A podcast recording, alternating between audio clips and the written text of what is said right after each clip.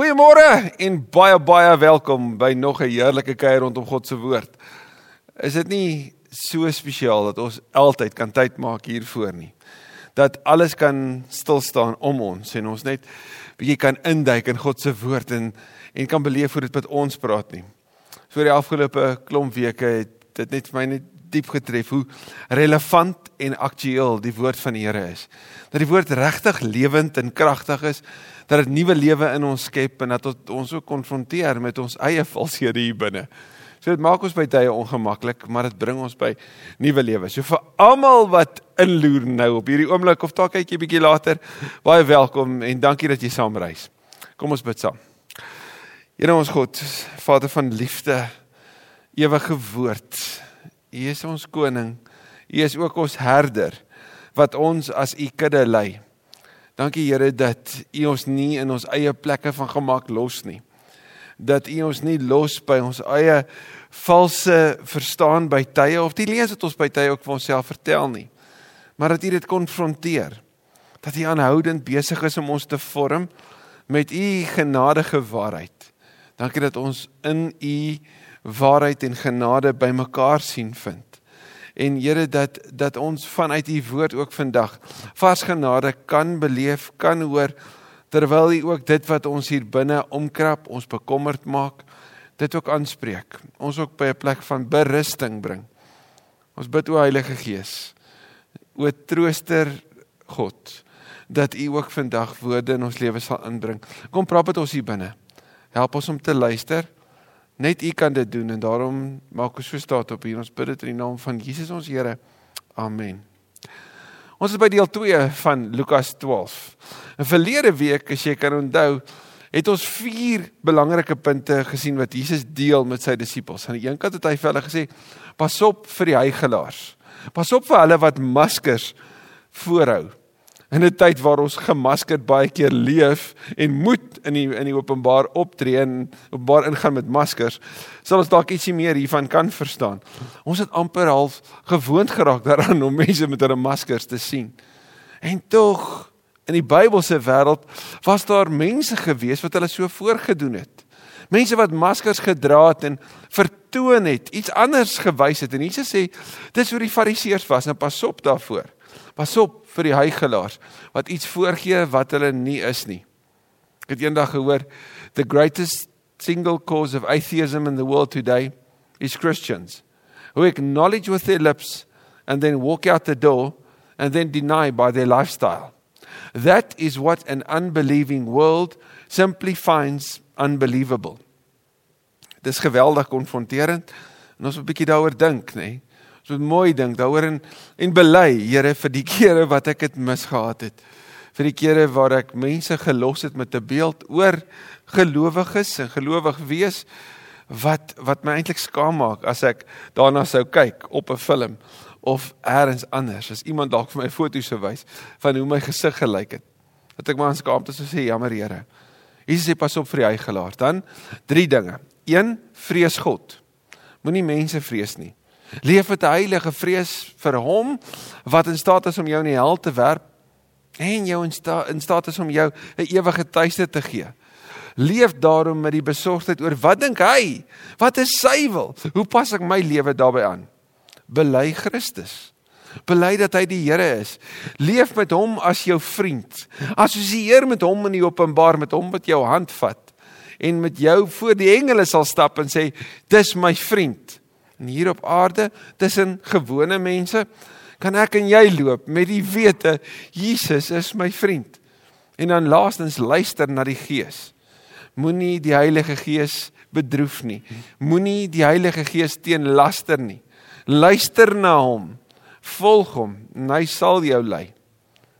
En so bring dit ons by hoofstuk 12 vanaf vers 13. En vanoggend se twee gedeeltes wat ons oor gaan lees, gaan in die besonder oor rykdom en die gevare van van wat belangrik is in ons harte. Wat vul ons met vreugde? En dit sal ons help dat wanneer ons hiermee besig is of wanneer dit met ons besig is, dat ons eerlik vir die Here vra maar openbaar in my Dit wat regtig vir my vreugde bring. Dit wat die belangrikste in my lewe is. Sodat ek nie die hele tyd net dink hierdie is van toepassing op hom of op haar of op 'n sekere deel van ons dorp nie. Maar ongeag my ekonomiese sosiale status op hierdie oomblik of posisie, dat dit ook iets in my sal openbaar van hoe ek na die wêreld kyk. Vers 13. Iemand uit die menigte sê toe vir Jesus, onthou jy daar was 'n klomp mense om Jesus en sy gesprekke hier met die Fariseërs en met sy disippels in hierdie groot preek van hoofstuk 12 tot middel hoofstuk 13.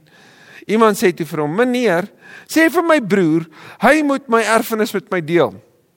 Blyf my vreemd hierdie hierdie uitskree van die skare wat opdrag aan Christus gee. Ja, dit was so in daai tyd dat mense vir die rabbi sou sê, "Maar veld jy 'n beslissing? Tree jy tussen ons in?" In hierdie geval gaan dit oor 'n erfporsie.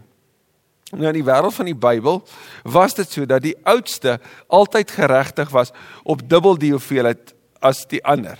So, as daar twee boeties was, sou jy die erfporsie letterlik in 3 gedeel het, waarvan twee dele na die oudste toe gaan en 'n derde na die jongste. Dis moontlik en so reken van die kommentare dat hierdie 'n jongste is wat hierdie sê. Iemand wat inhalig is, iemand wat gefokus is op besit. MacArthur praat van the doom of the materialist. Hy wat so gefokus is op rykdom. Hy wat sê sê vir my boetie, ek moet 'n groter deel kry. Gee vir hom die opdrag. Maar sien die die uitdaging en die versoek gaan nie oor besittings nie, nie waar nie? Dit gaan oor iets meer. Dit gaan oor iets wat hier binne lê.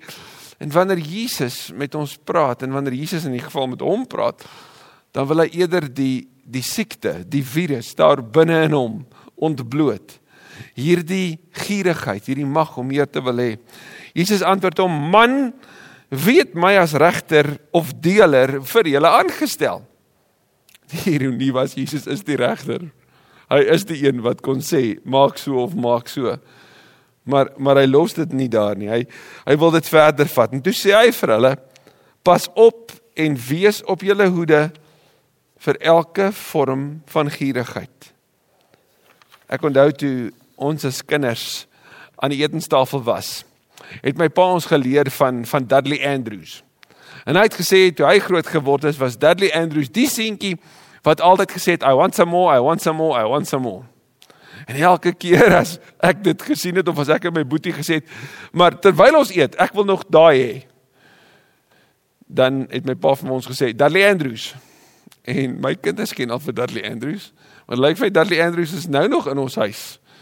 Want nou nog aan die etenstafel terwyl ons eet. Vir al die manne, vir al die seuns, is hulle besig om te sê, "But I want some more, I want some more, I want some more." En dit gaan net oor kos en ja, groeiende kinders is geneig om meer te wil hê. Maar is dit nie ook so in ons harte nie? I want some more, I want some more, I want some more. Onthou jy nie onlangs toe ons gelees het van van 'n man wat 35 voertuie gekoop het nie? En hoe dit in die media was en almal gesê het, "Maar wie doen dit? Hoe kan jy so gierig wees? Daar's ander wat arm is, daar's ander wat nie het nie. Maar jy wil meer en meer hê." Wel Jesus is besig om die valsheid in ons harte te ontbloot. Hy sê pas op daarvoor. Pas op vir hierdie gierigheid, want 'n mens se lewe is nie afhanklik van van die oorvloed van sy besittings nie. Hoor mooi.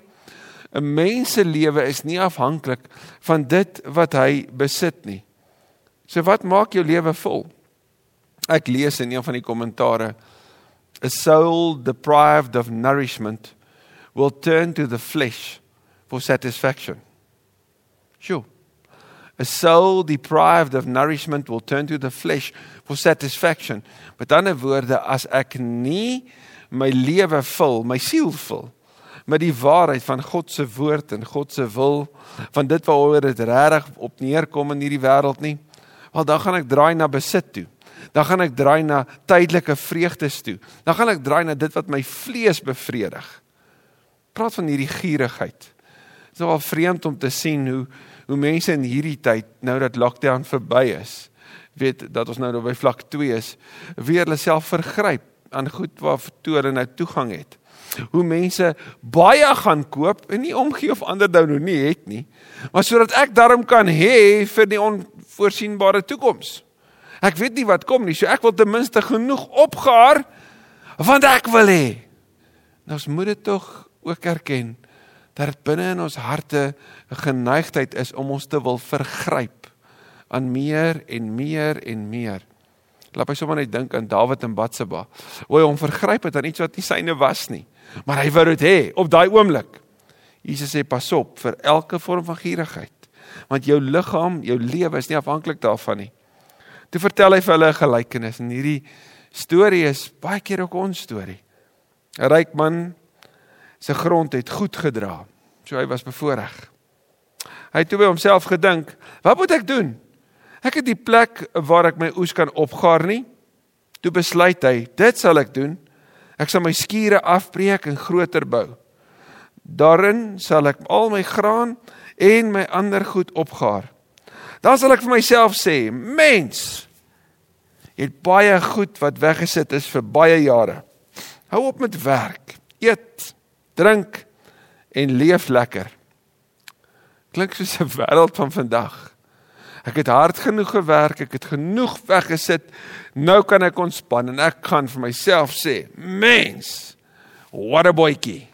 Well done. Kyk wat het jy alles reg gekry. Sjoe in 'n wêreld van wat die wat die Jode gesien het as limited good, het hulle regtig geglo daar's net soveel hulpbronne. So kom ons sê ek en Zander het elkeen 'n fietswinkel. En hy het 10 kliënte en ek het 10 kliënte.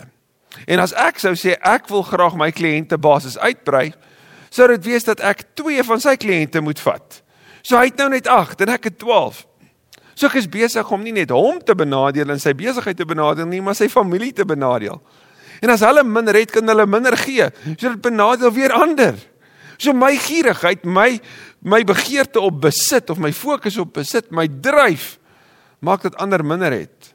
Dis hierdie perspektief op limited good wat hier ontbloot word want vir hierdie man wat sê meer vir my, meer vir my, meer vir my, beteken in inherent minder verander, minder verander, minder verander.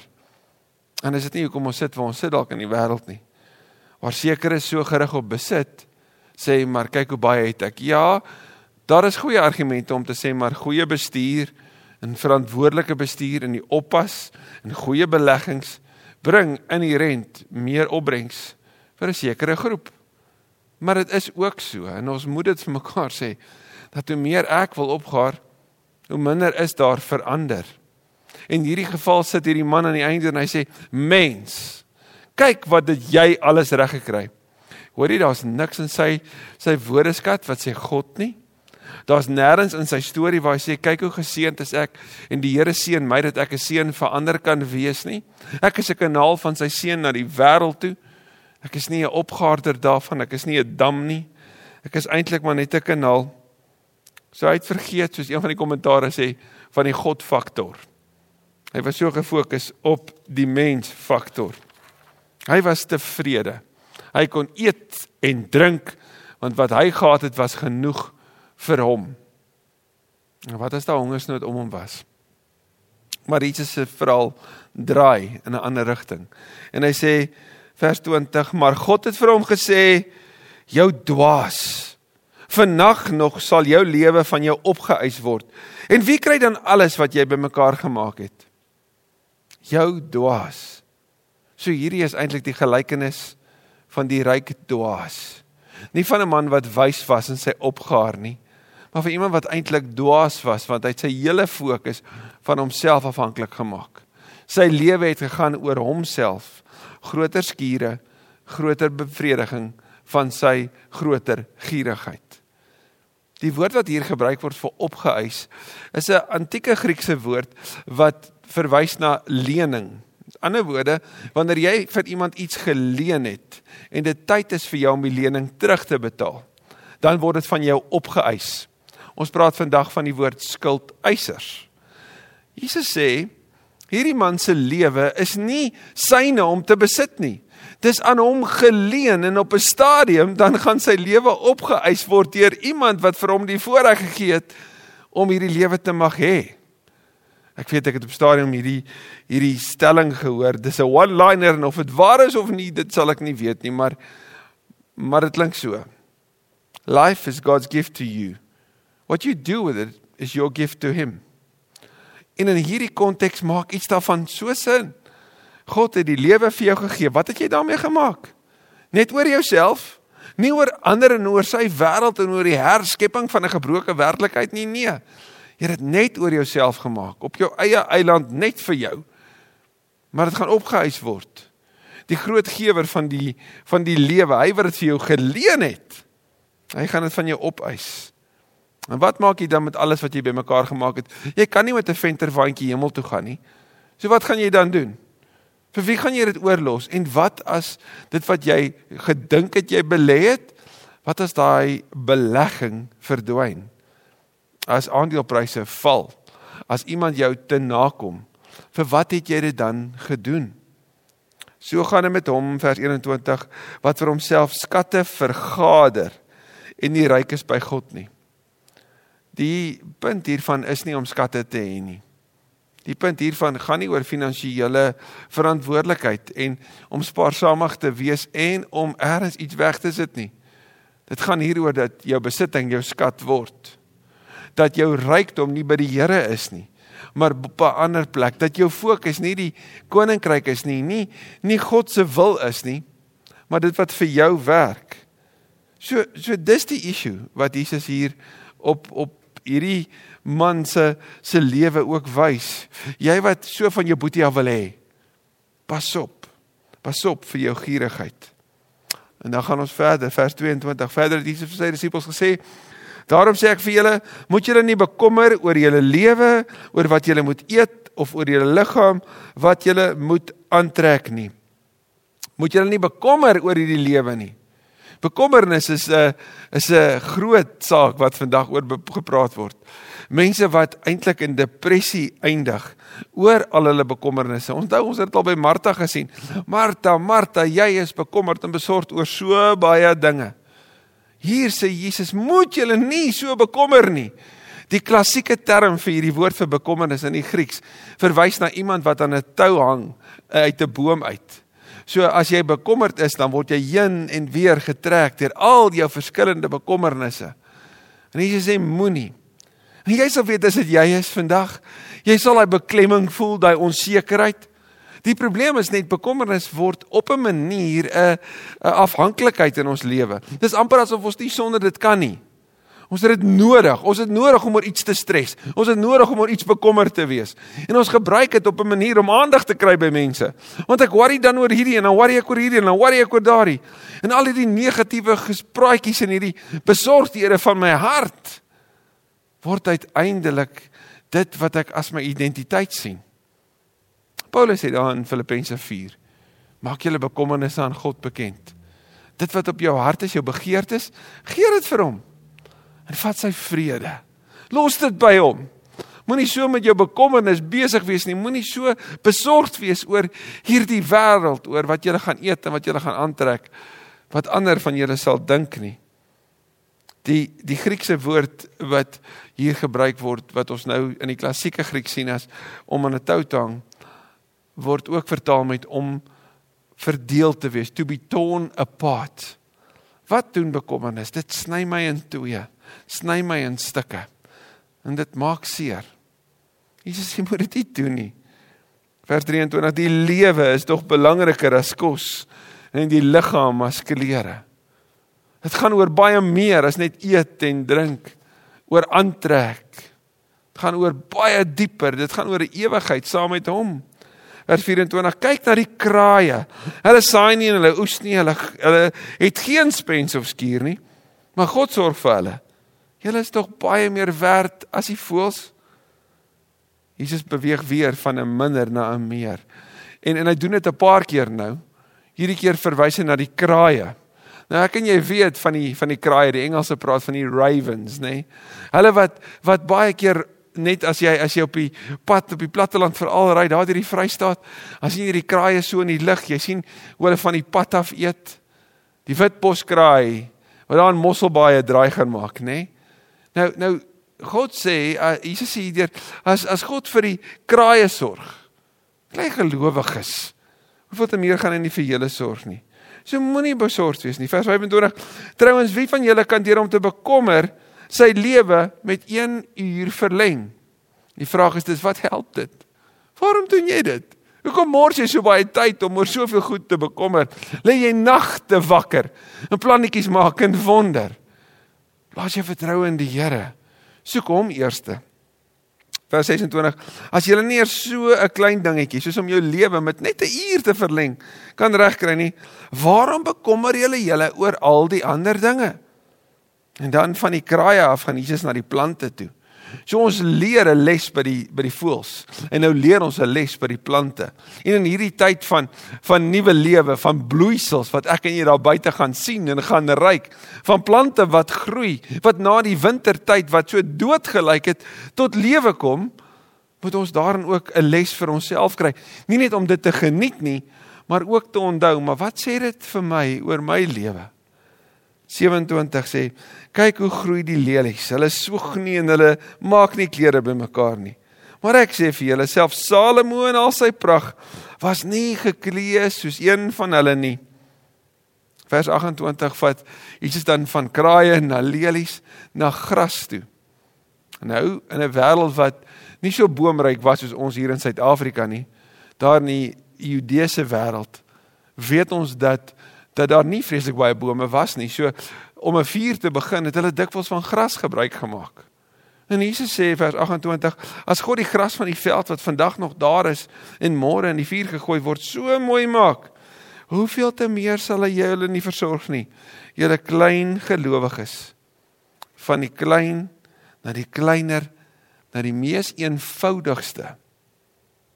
Verwys Jesus dis ons na die groot toe. As God vir hulle sorg, hoeveel te meer nie vir julle nie. As hierdie waar is, hoeveel te meer nie daai nie. En ek en jy sê vir onsself gevra, maar hoeveel moet ons dit nog hoor? Hoeveel keer? Voordat ons dit gaan glo. Voordat ons dit gaan vat.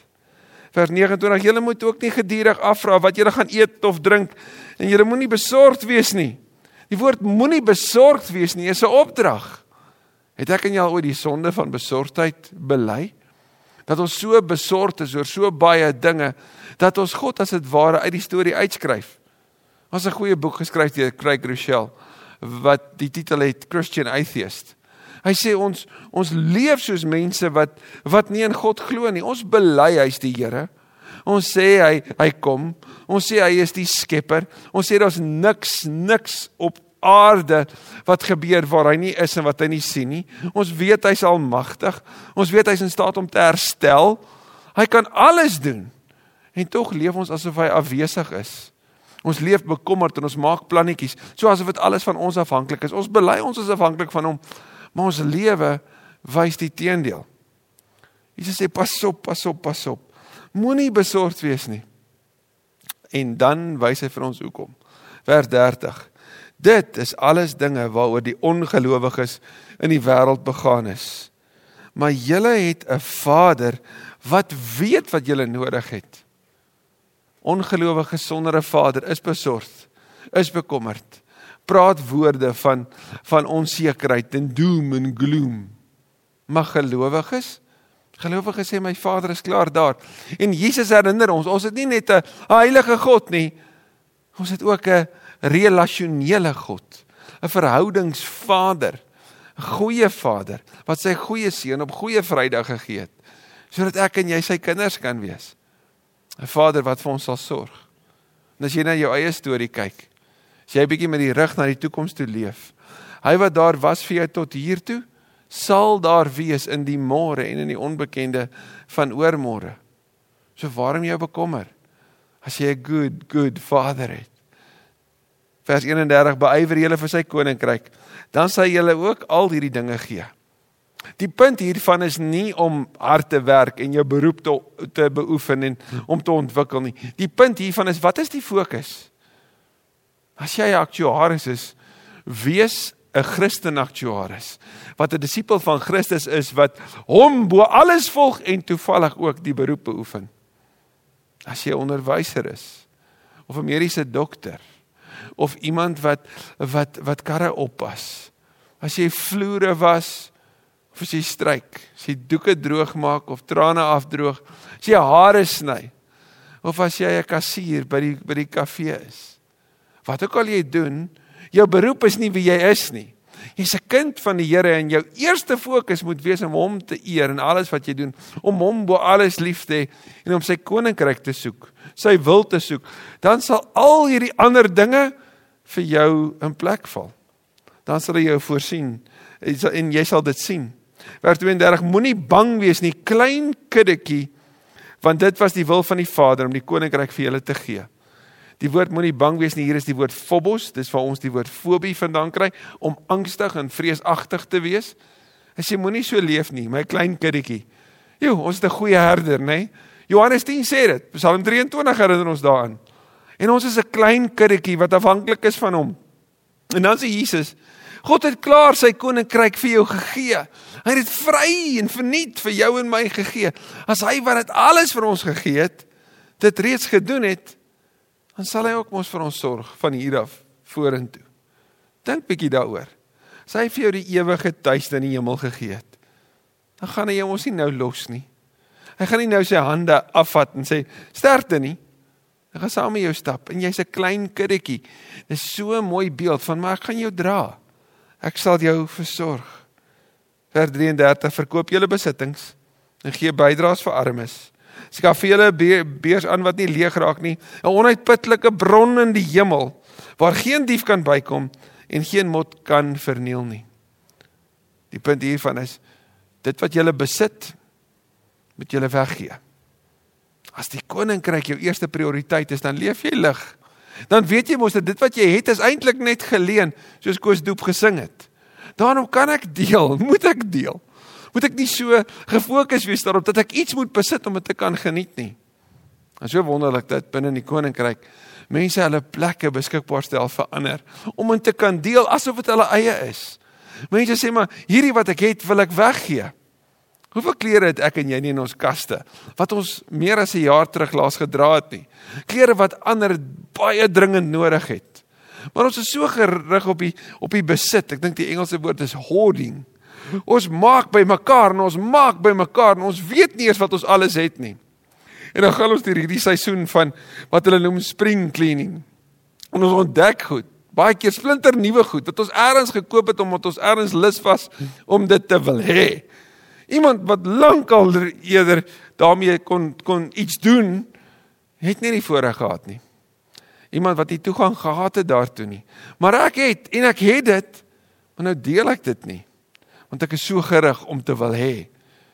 Die Bybel sê jou dwaas. Dit gaan opgehuis word.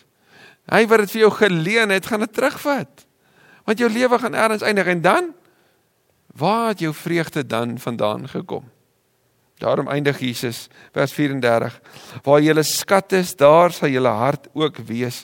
In kort jou hart volg jou skat. Nie jou skat volg jou hart nie. So, waar lê jou en my skat vandag? Is dit vasgeborge in die hemel? Is dit by ons Vader? Is dit gefokus op 'n lewe wat vir altyd sal hou?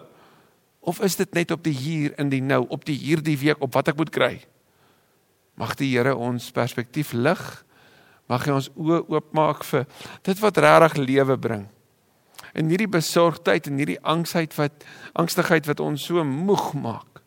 So onseker maak so die vreugde van ons lewe steel. Mag hy ons daarvan bevry en ons genees van hierdie siekte, hierdie hierdie fokus op besit. Amen. Kom ons bid. Dankie Here vir hierdie baie belangrike waarheid ook vir ons vandag. Here, U weet van die gierigheid wat maar so geneigtheid by ons elkeen is. I want some more, I want some more, I want some more.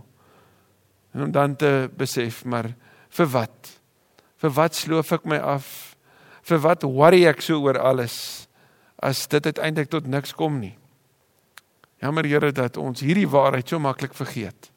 Ons kan dit self nou hoor en dit kan ons vrymaak en ons kan diep asemhaal en sê die Here weet. En net hierna dan pak ons dit maar weer in, ons tel dit maar weer op en ons dra dit maar weer op ons eie. Dankie Here dat U gesê het kom na my toe almal wat moeg en oorlaai is en ek sal vir julle rus gee. Neem my juk op jou en leer van my want my juk is sag en my las is lig en jy sal rus kry vir jou gemoed. Mag ons daarin rus ook vandag. In Jesus se naam. Amen. As jy gebed nodig het, onthou dat jy e-pos kan stuur na gebed@ksm.co.za. Ons wil graag saam met jou bid. Ons wil graag jou getuienis van wat God in jou lewe doen ook deel met ander. So skryf gerus vir ons. As jy wil deel wees van 'n groep, stuur 'n e-pos na groepe@ksm.co.za. In hierdie tyd ont, ontplof ons groeplewe. Hulle wat ook nou by mekaar kan kom en hulle wat op die sosiale platforms so Zoom en dis meer mekaar ontmoet, mekaar ondersteun en mekaar aanmoedig.